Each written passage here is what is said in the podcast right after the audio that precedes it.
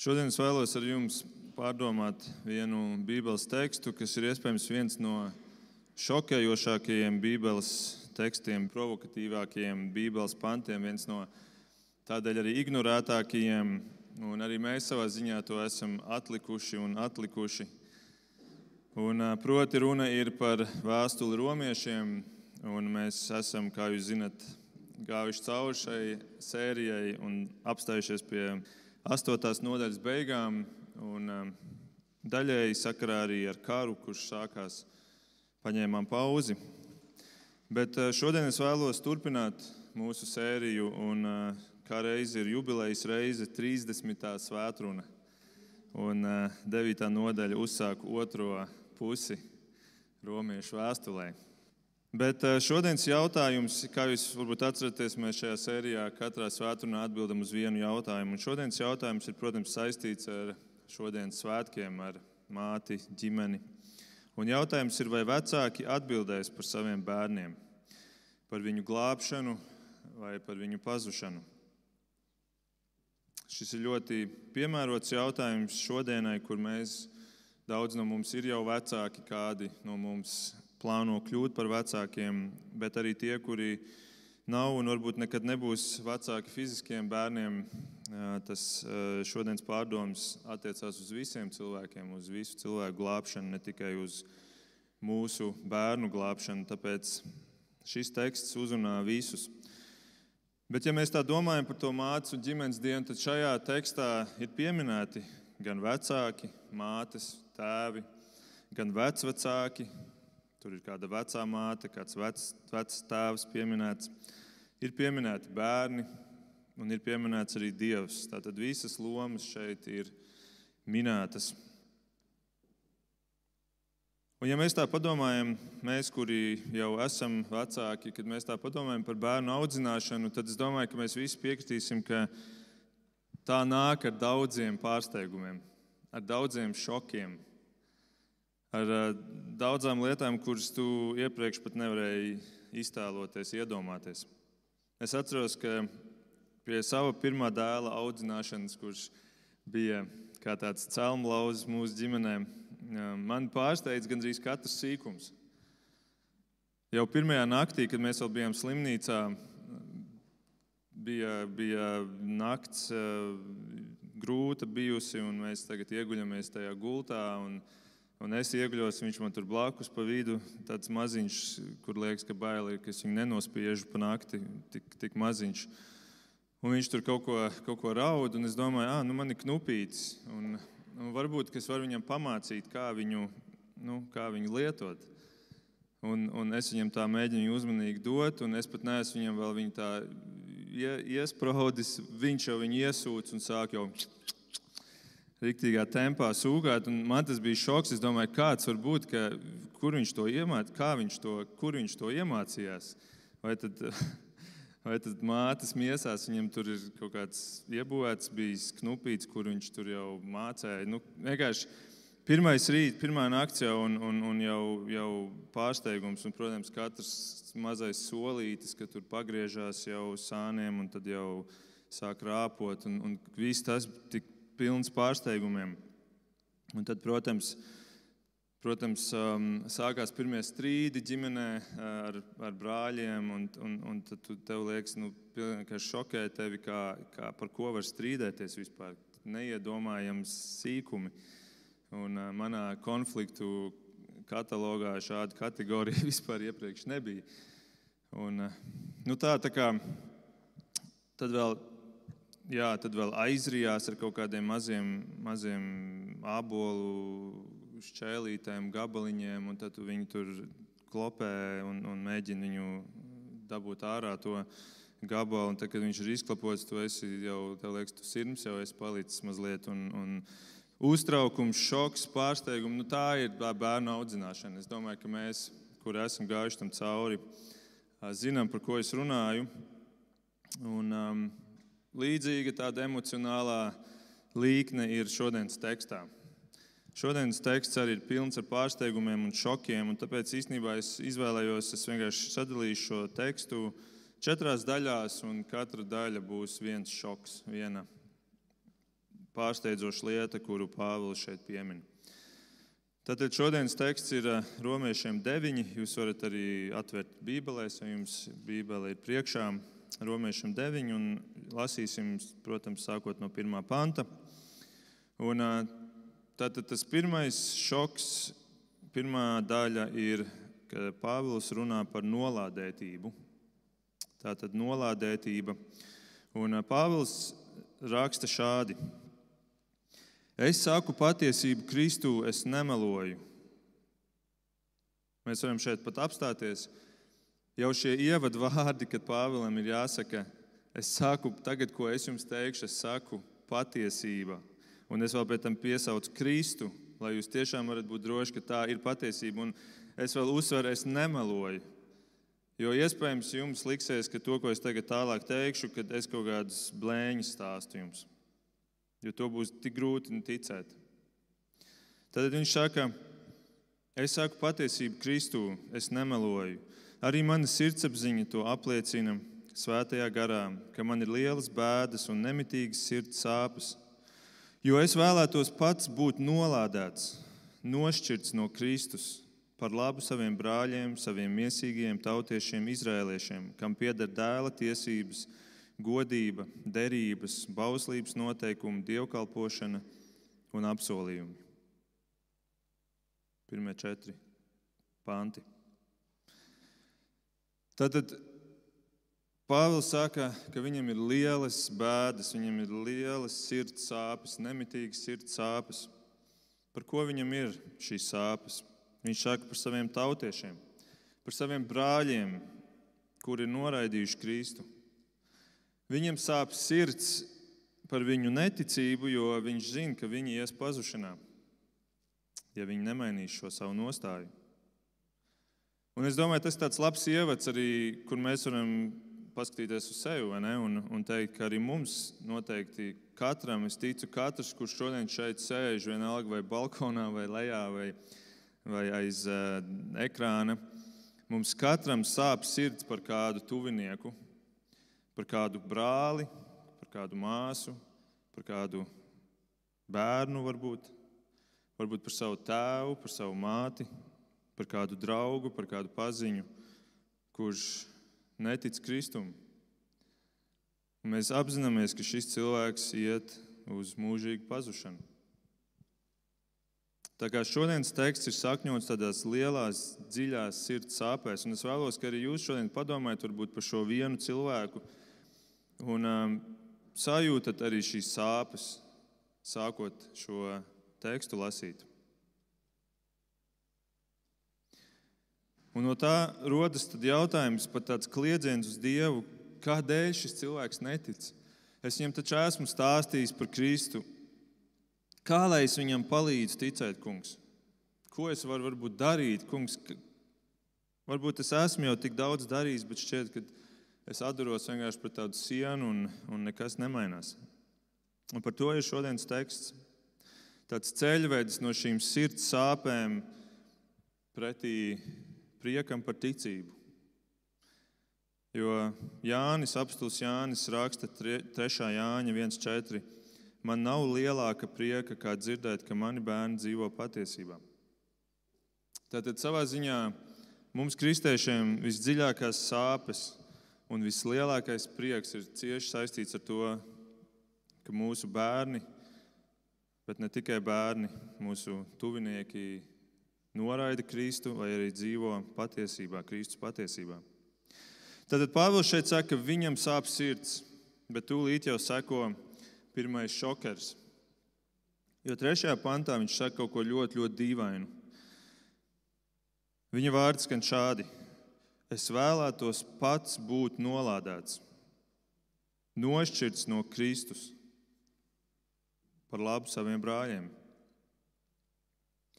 Mēs varam te jautāt, Pāvils, ko tu tur runā? Jā, es saprotu tavas sirds sāpes, bet Kā tu vari teikt, kā tu drīksti teikt, kā tu atļaujies teikt, ka tu būtu gatavs būt nolādēts? Kā tu atļaujies teikt, ka tu būtu gatavs atdot savu glābšanu? Kā tu atļaujies teikt, ka tu būtu gatavs tikt nošķirts no Kristus Šokējoši Pāvils. Bet es ticu, ka Pāvils ar to tikai atklāja, cik ļoti viņš mīl savus brāļus.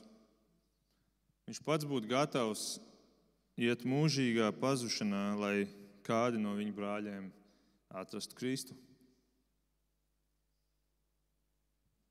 Un Jēzus tieši tāpat mīlēja cilvēkus. Viņš bija gatavs tikt nošķirts no tēva, lai kādi cilvēki spētu atrast ceļu pie tēva. Un tas ir labs atgādinājums mums, cik ļoti mēs mīlam tos savus tuviniekus, cik ļoti mēs, vecāki, mīlam savus bērnus. Un es domāju, tā garīgi mīlam. Protams, mēs rūpējamies par viņiem fiziski, materiāli, bet, bet garīgi.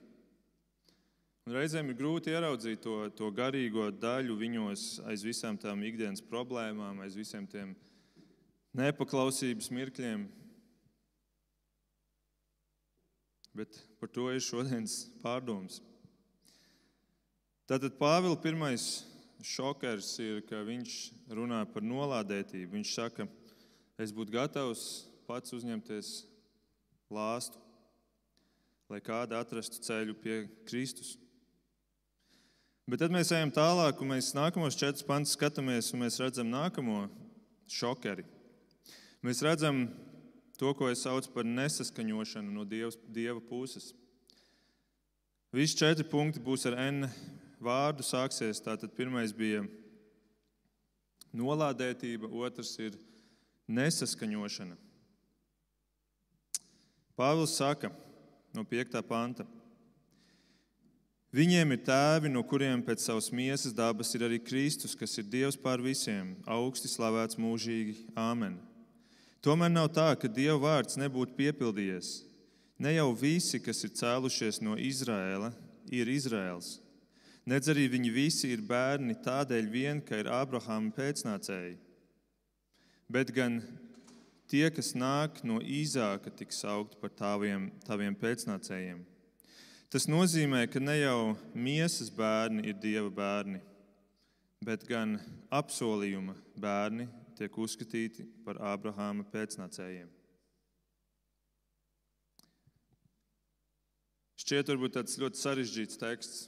Viņš kaut ko runā par Izraēlu, par Ābrahāmu, par miesīgiem bērniem, par, par apsolījumu bērniem. Bet tā pamatdoma ir tāda, ka Pāvils šeit atklāja, ka visi izrēlieši gan ir cēlušies no mīsīgiem ebreju tēviem. Tomēr ne tas nosaka to, vai viņi tiešām ir izrēlieši. Jā, viņiem pasē būs rakstīts ebrejs, bet vai viņa sirdī būs piederīgi Izrēlam? Un viņš saka, ka īstie ir tikai tie, kuri atbilst Dieva apsolījumam. Īstie izrēlieši, sirdī izrēlieši ir tie, kuri atbilst tam, ko Dievs ārpus šo cilvēku ziņas, jeb saskaņošanas ir izlēms un apsolījis no savas puses, kā vienpusēju solījumu. Un es domāju, mūsdienu tolerantajā kultūrā dzīvojot, var likties šokējoši, ka cilvēkam šeit izskatās, ka nav dota pilna kontrole pār to, kas viņi ir, pār to, kas viņi ir Dievu priekšā. Ka savā ziņā Dievs šeit rīkojas ar cilvēku nesaskaņojot. Dievs kaut ko ir iepriekš apsolījis, pateicis, ka re, šīs ir robežas, šie ir īstie, bet tie, kas piedzimst no, no eh, citas mātes vai no jā, no citas mātes īzākam, tie nebūs īstiem. Un varbūt tas ir liekas tāds mazliet tā, brutāli piemērs, paņemot tāds Molotovu-Ribbentropa pakts otrajā pasaules karā, kur kāds bez mūsu ziņas, mums nesaskaņojot, bez mūsu klātbūtnes, apsola viens otram kaut ko tādu, kas attiecās uz mums.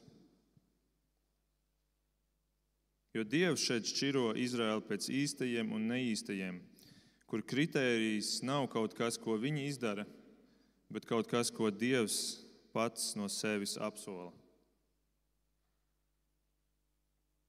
Šokējoši, skatoties no šodienas tolerantā 21. gadsimta rietumu kultūras iedzīvotāju skatu punkta un arī kristiešu skatu punkta bieži vien. Ja Dievs šādi rīkojas pret Izraēlu, kā varam būt droši, ka Viņš to nedara arī citur, varbūt pat pret mūsu bērniem? Skaidru atbildi šo jautājumu mēs saņemsim nākamajā punktā, trešajā punktā, kur Pāvils izskaidro šo apsolījuma saturu. Tātad trešais punkts no 9. līdz 13. pantam, un tur vārds ir naids. Mēs to redzēsim naidu. Atkal viens šoks, kas šajā tekstā mūs sagaida. No 9. panta. Un apsolījuma vārdi ir šādi. Ap šo pašu laiku es nākšu, un tad sārai būs dēls.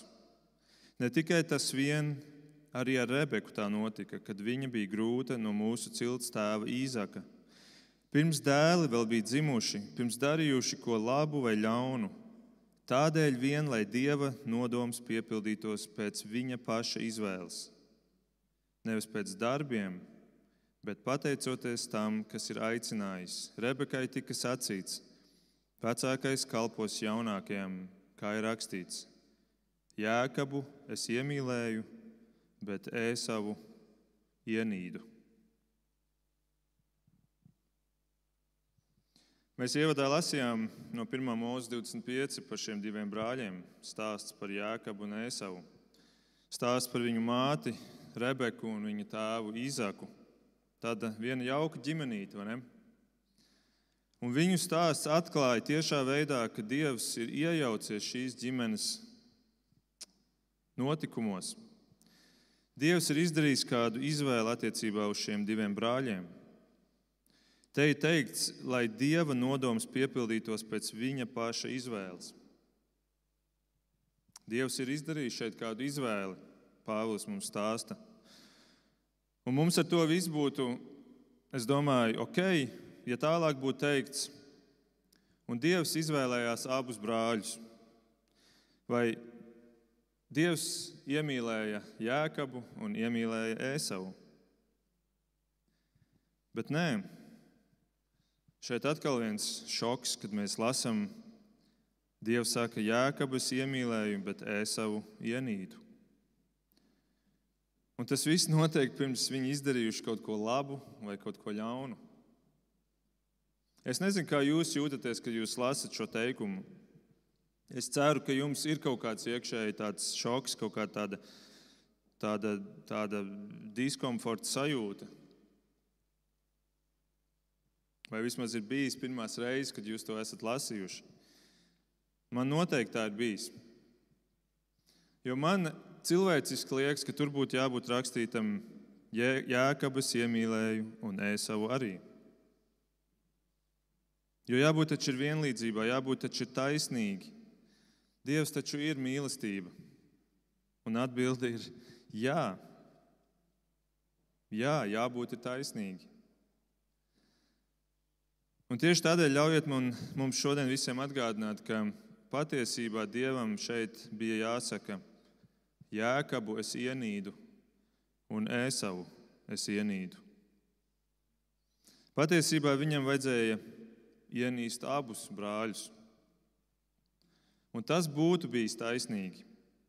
Tā būtu bijusi vienlīdzība, jo Dievs ienīst grēku. Un grēka dēļ Bībele pat saka, ka Dievs ienīst grēcinieku. Grēka dēļ, piemēram, 11.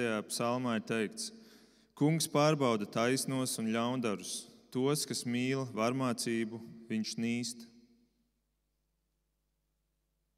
Tad Dievs var nīst cilvēku grēka dēļ. Un mēs varam šeit jautāt, kāds bija ēsavs? Jā, viņš bija varmācīgs, Bībele to kādā vietā saka. Viņš bija grēcīgs, viņš noteikti bija grēcīgs cilvēks. Un, un Dievam bija katrs pamats šī grēka dēļ ienīst ēsavu. Bet vai tad Jēkabs nebija tāds pats? Vai tad Jēkabs bija labāks? Un vēl vairāk, vai tad mēs visi tādi neesam? Romiešiem 3.23 bija teikts, kad mēs studējām cauri šai, šai vēstulē. Tur ir teikts, ka visi ir grēkojuši un visiem trūks dievišķas godības. Un tāpēc, mīļie vecāki, arī mūsu bērni tādi ir. Visi bez izņēmuma. Un Dievam vajadzētu ienīst grēka dēļ, es uzsveru grēka dēļ, visus cilvēkus. Dievam vajadzēja ienīst Ēsavu un Jēkabu. Un te ir teikts, pirms viņi kaut ko labu vai ļaunu darīja, Dievs jau ienīda. Kādēļ? Tāpēc, ka Dievs dzīvo ārpus laika. Viņš redz visu, kas nākotnē būs jau šobrīd. Tad Dievam vajadzēja ienīst abus, jo abi grēkos nākotnē.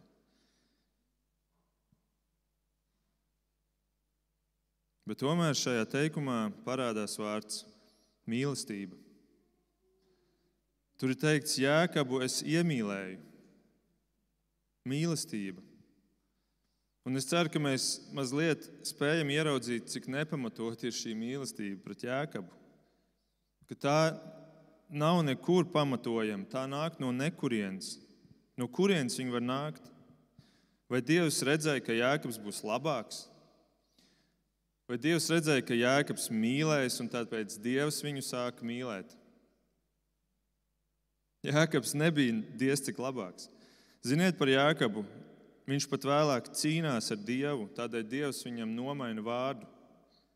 Jūs zināt, kādu vārdu viņš viņam ieliek? Izraels. Jēkabs kļūst par Izraēlu. Un ziniet, ko nozīmē Izraels? Tas, kurš cīnās ar Dievu. Tāds bija Jēkabs. Cilvēks, kurš cīnās pret Dievu. Tāds, kurš pretojās Dievam, un Dievs izrāda mīlestību pret šo Jēkabu. Pilnīgi nepamatot mīlestību nepamatota, nepelnīta mīlestība. Un šādai mīlestībai ir viens vārds, un tas ir žēlastība. Plika, īsta, reāla žēlastība. Un tā nu šeit Ēsavs saņem to, ko ir pelnījis, bet Jēkabs ir saņēmis to, ko nav pelnījis. Un varbūt šobrīd mēs, kristieši, pie sevis domājam, cik netaisni Cik netaisni. Taču vajadzēja būt tā, ka nu, abi saņem to, ko ir pelnījuši. Bet tad abi būtu aizgājuši pazušanā. Un tas, ko Dievs šeit izrāda, tā ir žēlastība. Un tieši tā ir evaņģēlīja būtība. Un ja mēs nespējam tam noticēt, tad mēs kaut kā esam sapinušies darbu teoloģijā kura māca, ka man tomēr ir kaut kas no sevis jāpieliek, kaut kā tai dieva glābšanai ir jābūt saistītai ar manu darbību, ar kaut ko, ko es esmu izdarījis. Man pēdējās pāris nedēļas laikā ir sanācis sarakstīties ar, ar vienu hinduistu. Un šim cilvēkam es jautāju, kā tu vari iegūt labvēlību sava dieva višna višnas priekšā. Kā tas tieši notiek? Jo man tiešām interesē dzirdēt no tāda hinduista patiešo, nevis tas, ko varbūt teoloģija viņu māca, bet kā tu to redzi? Un šis cilvēks man atbildēja, šis mērķis tiek sasniegts pakāpeniski, soli pa solim. Sākums ir, ka es ievēroju šādus principus. Pirmkārt, nēdu gaļu, zivis, olas. Otrkārt, Es izvairos no intoksikācijas, kas ir alkohols, cigaretes, narkotikas un kafija. kafija. Es atsakos no ārlaulības seksa. Ceturtkārt, es atturos no azartspēlēm.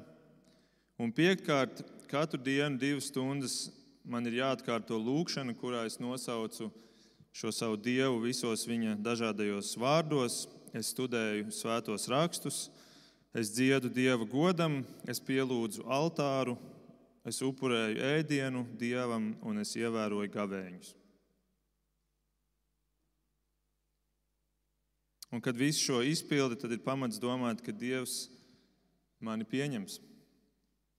Un, kad es dzirdu kristiešu pretojamies tai, tai plikajai žēlastībai, tad man liekas, ka ir tik līdzīga domāšana kā šādam hinduistam. Jā, varbūt mēs nesauksim šīs lietas, bet ja es jūtos, ka man ir kaut kas jāpieliek, tad es esmu tajā pašā saknē, kura, no kuras ir izaugušas visas pasaules reliģijas. Ka mani darbi tomēr būs tie, kuri pašķirs mani manu nākotni pa labi vai pa kreisi. Un ka varbūt arī no maniem darbiem mans bērns tiks glābts, vai no viņa darbiem viņš tiks glābts. Bet nē, šeit mēs šodienas tekstā redzam, cilvēku glābīja nepelnīta dieva žēlastība. Kā grēciniekam Jēkabam, kurš cīnījās pret Dievu, un tomēr Dievs viņu mīlēja un viņu pat iecēla kā Izraēla tēvu. Vai tavs bērns cīnās pret Dievu? Vai viņš stājās pretī Dieva pavēlēm? Varbūt tavs brālis, tava māsa, tavs tēvs, tava māte, tavs draugs cīnās pret Dievu. Tad es gribu teikt, viņiem visiem ir cerība. Un tā cerība ir Dieva žēlastība. Redziet, nevis Dievs ir kaut kāds netaisnīgs, bet tā ir tā cerība, ka nevis caur viņa darbiem vai nedarbiem, bet ka Dieva glābšana nāk kā viņa žēlastība, kā nepelnīta mīlestība. Bet Pāvēlam ir vēl viens pēdējais šokers kabatā, un tas ir ceturtais punkts, pēdējie trīs panti šodienas tekstā, no 14. līdz 16.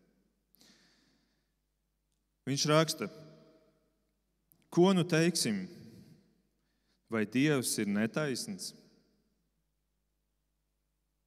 Nē, taču. Jo mūzum viņš saka, es apžēlošos par to, par ko apžēlošos, un kam gribu līdzjust, tam jutīšu līdzi. Tiešām ne no cilvēka gribēšanas vai skriešanas. Viss nāk no Dieva, kas apžēlojas. Pēc šiem pirmajiem trīs šokējošajiem punktiem Pāvils zina, ka klausītājiem spriedums būs: Dievs ir netaisnīgs.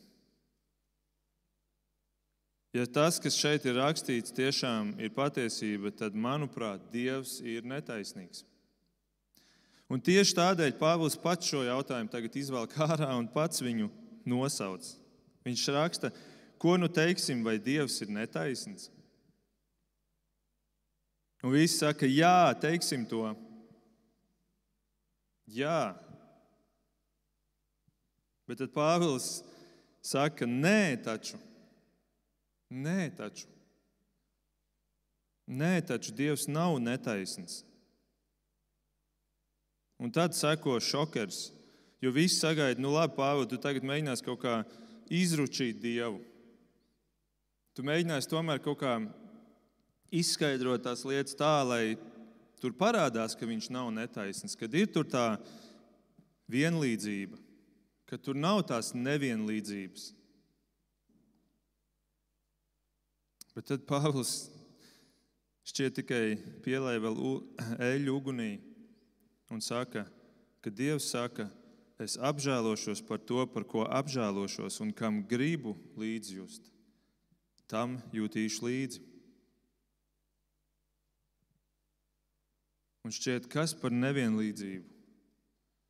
Pāvils, tu gribēji teikt, ka, viņ, ka tas nav netaisni, bet tu tagad parādi, ka tomēr tas ir netaisni. Nu, taču nav, nevar būt taisnīgi, ka, ka Dievs izvēlās, kam viņš jutīs līdzi un apžēlosies par to, par kuru viņš grib apžēloties. Bet Pāvils šeit parāda, jā, viņš gan izvēlas, un tomēr tas nav netaisni. Viņš gan izvēlas, kam dod šo žēlastību, un tomēr tas nav netaisnīgi. Liekas, cilvēciski tas neiet kopā, un daudz tiešām šo atbildi nevar saprast. Tā vienkārši neiet viņu priekšstatā par dievu, un tāpēc viņi šo lietu vispār nostumj malā. Bet vai mēs varam nostumt lietu malā, kura raksturo dievu? Vai mēs drīkstam kļūt par tiem pēdiņās taisnīgajiem tiesnešiem, kuri tagad dievu sagroza pareizajā leņķī?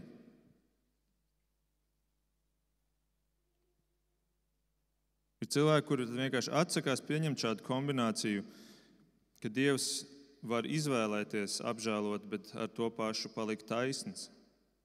Bet tieši tas ir tas, ko Pāvils šeit saka. Dievs izvēlas, bet tas ir taisnīgi. Un atcerēsimies, kāpēc tā var būt. Tāpēc, ka Dievs ir visu zinošs un pilnīgi labs. Viņa izvēle ir vislabākā, visobjektīvākā iespējamā. Dievs nav ne Molotovs, ne Ribbentrops, kuri abi ir grēcīgi cilvēki ar savu samaitāto, sautīgo motivāciju. Dievs ir perfekts labs. Un tas ir paradoks, ka Dievs ir atbildīgs par glābtajiem cilvēkiem, kuri to nav pelnījuši. Bet vienlaikus tie neticīgie cilvēki paši būs atbildīgi par savu pazušanu. Un šeit sadurās tās divas pasaules uzskatu sistēmas. Viena sistēma saka, ka cilvēks pēc savas pamatbūtības ir labs cilvēks. Cilvēks ir labs, un tādēļ tas ir šoks, ja Dievs kādu neizglābi. Bet tā otra domāšanas sistēma saka, ir otrādi. Cilvēks pēc savas būtības ir ļauns, ļauns Un tādēļ tas ir brīnums, ja Dievs kādu izvēlas apžēlot. Tāpēc mēs to saucam par žēlastību. Un Bībele māca šo otro pasaules uzskatu. Tādēļ, mīļie vecāki, jūsu bērni piedzimst ar iedzimto grēku. Un viņi pēc būtības ir ļauni. Lai cik arī nepiemērot šis teikums neizklausītos šajā dienā. Bet tādēļ mums viņiem jau no bērnu kājas ir jāmāca arī paklausība. Tas nenāk pats no sevis, mēs to ļoti labi zinām. Un kad viņi sasniedz vecumu, kurā viņi sāk apzināties labo un ļauno, spēj atšķirt grēku, viņi paši kļūst atbildīgi Dievu priekšā par šo grēku. Un šis grēks viņus padara notiesājams pazušanai. Tāpat kā mūsu Latvijas tiesu sistēmā no 18 gadu vecuma bērns kļūst par pieaugušo un kļūst atbildīgs. Un tāpēc visiem, un tas mums ir jāapzinās visiem, tāpat kā mums pašiem, ceļš ved uz pazušanu, uz ēli. Un tikai Dievs spēj mūs un tāpēc arī viņus izglābt. Tas ir Dieva darbs. Tas ir Dieva darbs. Un tomēr, un tomēr Bībele atklāja, ka ir kāds veids, kā Dievs pārsvarā glābj cilvēkus. Ir kāda rēta izņēmuma, bet ir viens veids, viena sastāvdaļa, caur kuru Dievs pārsvarā atnes cilvēkam ticību. Un ticība ir tā, kas viņu beigās kas viņam ļauj saņemt Kristus taisnošanu sevī. Un tu vari būt klāt, tu vari būt šīs sastāvdaļas nesējis šī bērna dzīvē. Tu vari šīs sastāvdaļas klātbūtni vairot savā bērna dzīvē. Kas ir šī sastāvdaļa? Šī sastāvdaļa ir Dieva vārds. Šī sastāvdaļa ir Dieva vārds. Tad, kad Pāvils visu šo romiešiem deviņi domu būs vēl no visādām pusēm ap, apmuļājis, apgrozījis, apskatījis, tad beigās nākamajā nodaļā, desmitajā nodaļā, viņš dos kādu secinājumu. Un viņš teiks, ka romiešiem 10, 17, ka ticība rodas no pasludinātās vēsts, bet vēsts no Kristus vārdiem. Tad viņš saka, ka ir risinājums. Jā, Dievs glābi cilvēkus pēc savas gribas, pēc savas izvēles, bet glābšana notiek caur Kristus vārdiem. Ticība radās no šīs vēstures, kuru mēs viņiem pasludinām. Un redzēt, ticība gan ir Dieva dāvana, kuru Viņš dod žēlastībā, bet tā tiek pasniegta caur Dieva vārdu. Un, ja Dieva vārds būs klātesošs bērna dzīvē, tad tā iespējamība, ka šī ticība atnāks, ir lielāka. Un tas ir tas, ko mēs kā vecāki varam darīt. Arī apstults Pēters par to runā 1. Pētera 1,23. Viņš raksta, jūsu atzimšana nav no iznīcīgas sēklas, bet no neiznīcīgas, caur dieva dzīvo un paliekošo vārdu. Tātad viņš parāda, ka tā atzimšana nav caur kaut kādām āršķirīgām lietām. Tā nav caur cilvēka gudru izvēli sākt sekot Kristumam bet tā ir caur Dievu vārdu, kurš šo cilvēku atzemdē. Caur Dievu vārdu. Un tas ir tas, ko mēs varam darīt kā tēvi, kā mātes. Arī mūsu ģimenē mēs ar saviem vecākiem dēliem no šī gada, arī ar savu otro vecāko dēlu, mēs ik pa laikam um, apsēžamies un, un um, veltam laiku Bībeles studijai, tādu viens pret viens. Un, tas, ko es mēģinu viņiem iemācīt, ir, ka, tad, kad mēs izlasām kādus pāris pantus, ka viņi atbild uz trīs jautājumiem, lai saprastu to, kas ir šajā tekstā minēts. Pirmais jautājums ir, kas, otrais ir, ko, un trešais ir, kā. Kas tur ir rakstīts, tad vispār saprast, kas tur ir pateikts. Otrs ir, ko tas nozīmē. Tad pirms es sāku jau interpretēt, es mēģinu saprast, kas tur vispār ir pateikts. Un tad trešajā jautājumā, kā tas attiecās uz mani.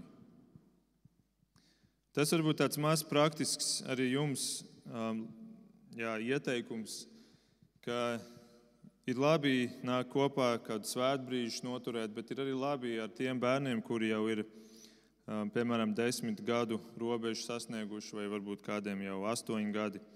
Bet apsēsties viens pret vienu un, un pārunāt, vienkārši kaut vai 15 minūtes, bet pārunāt šo, šo vārdu, kur mēs kopīgi izlasām un kā tas attiecās. Un tādā veidā mācīt arī viņiem pašiem um, Bībeli ne tikai lasīt un nesaprast, bet lasīt un mēģināt saprast. Arī tad, kad es nevarēšu būt viņiem blakus. Tātad, noslēdzot, tas, ko mēs varam darīt, ir, ka mēs mācām viņiem Dievu vārdu un pierādām, protams, ar savu dzīvi, ka mēs ticam tam, ko mēs arī tur mācām. Un kopā ar regulārām lūkšanām par saviem bērniem mēs varam cerēt, ka viņi atradīs ticību. Mēs varam lūgt, ka, lai viņi atrod šo ticību, lai viņu dzīvē pienāk tas brīdis, kad notiek šis izšķirošais pagrieziens, kur viņi sastopas Kristu personiski. Jo līdz tam vecumam viņi ir vienkārši klātesoši. Viņiem, viņi dzīvo varbūt tajā kultūrā, bet viņiem ir jāsastopas Kristus personīgi. Un mēs to nevarēsim izdarīt viņu vietā. Mēs to nevarēsim izdarīt viņu vietā, un tāpēc Dievs no mums neprasīs atbildību par mūsu bērnu glābšanu bet viņš prasīs no mums atbildību par mūsu bērnu mācīšanu. Mēs varam lūgt, bet mēs nedrīkstam arī pieprasīt no Dieva. Līdzīgi kā tas ir ar fiziskām dziedināšanām, mēs nevaram iet un pieprasīt, lai Dievs mūs dziedina, bet mēs varam lūgt, kā tas spitālīgais pazemībā nometies ceļos. Jēzus priekšā lūdza, Kungs, ja vien tu gribi, tu vari arī mani šķīstīt. Tā nu lai jums svētīga šī ģimenes mātes diena, un lai arī tas ir kā iedrošinājums mums, vecākiem, nekrist izmisumā, kad mēs redzam cilvēkus apkārt, kuri, kuri pagriež muguru ticībai, bet ka mēs ticam Dievam tāds, kāds viņš ir, ka viņš var izglābt cilvēkus, visus cilvēkus savā žēlastībā, bet ka mēs caur Dievu vārdu varam nest šo ticību viņu dzīvēm un īpaši mūsu bērnu dzīvēs. Lūksim Dievu! Debes Tēvs, paldies par šo svētdienu. Paldies, ka mēs varam nākt kopā kā draugi. Paldies, Kungs, ka Tu esi mums devis savu vārdu. Paldies, ka Tavs vārds nav tikai kā tāda grāmata ar, ar tādām uh, skaisto pantu izlasēm, bet, Kungs, ka Tu esi patiess un Tu runā tā, kā ir patiesība. Un uh, kādreiz mums šī patiesība varbūt nav uzreiz saprotama. Kādreiz mums viņa šķiet netaisnīga, bet, Kungs, mēs ticam, ka Tu esi mīlestība, ka Tu esi mīlestība vienmēr un uh, ka Tu esi arī taisnīgs, ka Tu esi taisnība. Un tāpēc, Kungs, mēs negribam vērtēt Tevi, mēs negribam kļūt par tiesnešiem, kuri kuri tev pārmet kaut ko, bet eh, mēs gribam zemoties un nākt pazemībā tavā priekšā un, un eh, iepazīt tevi tāds, kāds tu esi. Saprast, mēģināt saprast tevi tāds, kāds tu esi. Un, uh, mēs lūdzam par mūsu tuviniekiem, par mūsu pirmkārt jau bērniem, par mūsu vecākiem, par mūsu brāļiem, māsām, par mūsu draugiem, kuri tevi nepazīst, kungs. Jā, tā ir viņu atbildība. Jā, viņi ir pelnījuši iet pazušanā, bet, kungs, tu esi žēlīgs Dievs, tu vari viņus izglābt, un mēs to lūdzam. Ja tā ir tava griba, lūdzu, kungs, nāc viņu dzīvēs, pieskaries. Tu esi vienīgais, kurš to var izdarīt. Un lūdzu, dod, ka viņu sirds varētu atvērties arī tam vārdam, kas arī kādreiz caur mums izskan viņu dzīvēs. Un lai tas vārds būtu tas, kas būtu tā sēkla, no kuras veidojas šī jaunā dzīvība un atzimšana no augšienes. Jā, kungs, to visu mēs lūdzam Jēzus vārdā. Amen.